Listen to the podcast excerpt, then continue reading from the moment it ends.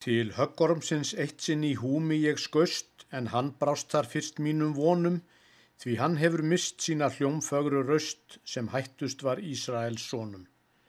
Hans list er nú úrelt og lítilsvert tröst að leiðbeina mannana konum, svo ef að þær rat ekki ráðgjafa löst er rúm okkar kallt fyrir honum.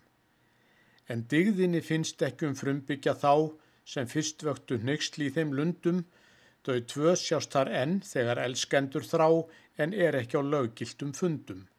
En bráðlátum ástum sem enginn má sjá í einveru byrtast þau stundum sem leikandi sólálvar svífa þau hjá á sælunar forbóðnu grundum. Og þegar að vorþráin viðkvæm og þýð um vaknandi skóana streymir, þá reyka þau fögur í rökkrunum síð í runnin sem ást þeirra geymir.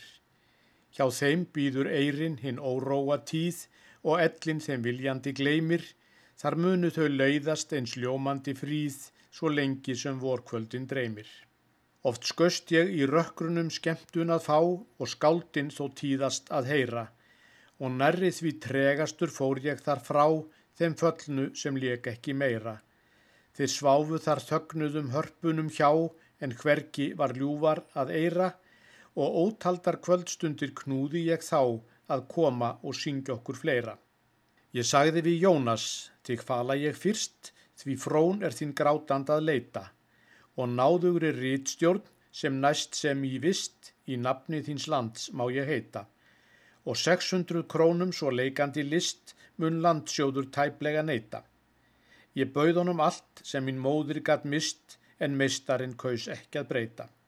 Eins fannst mér á breyðfjörð hann brestan úr þór og byluð í strengjunum hljóðin, þó sagði ég kontu hver vísan er vor, nú viljum við borga þér óðinn.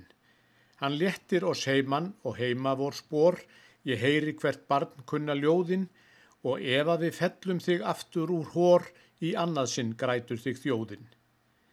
Þá var ekki slorlegt um hlaðgard og hlið að hlusta á þá fjörug og ungu, Því lifandi söngfugla sveitin var fríð og svo þessi fyrirtags lungu.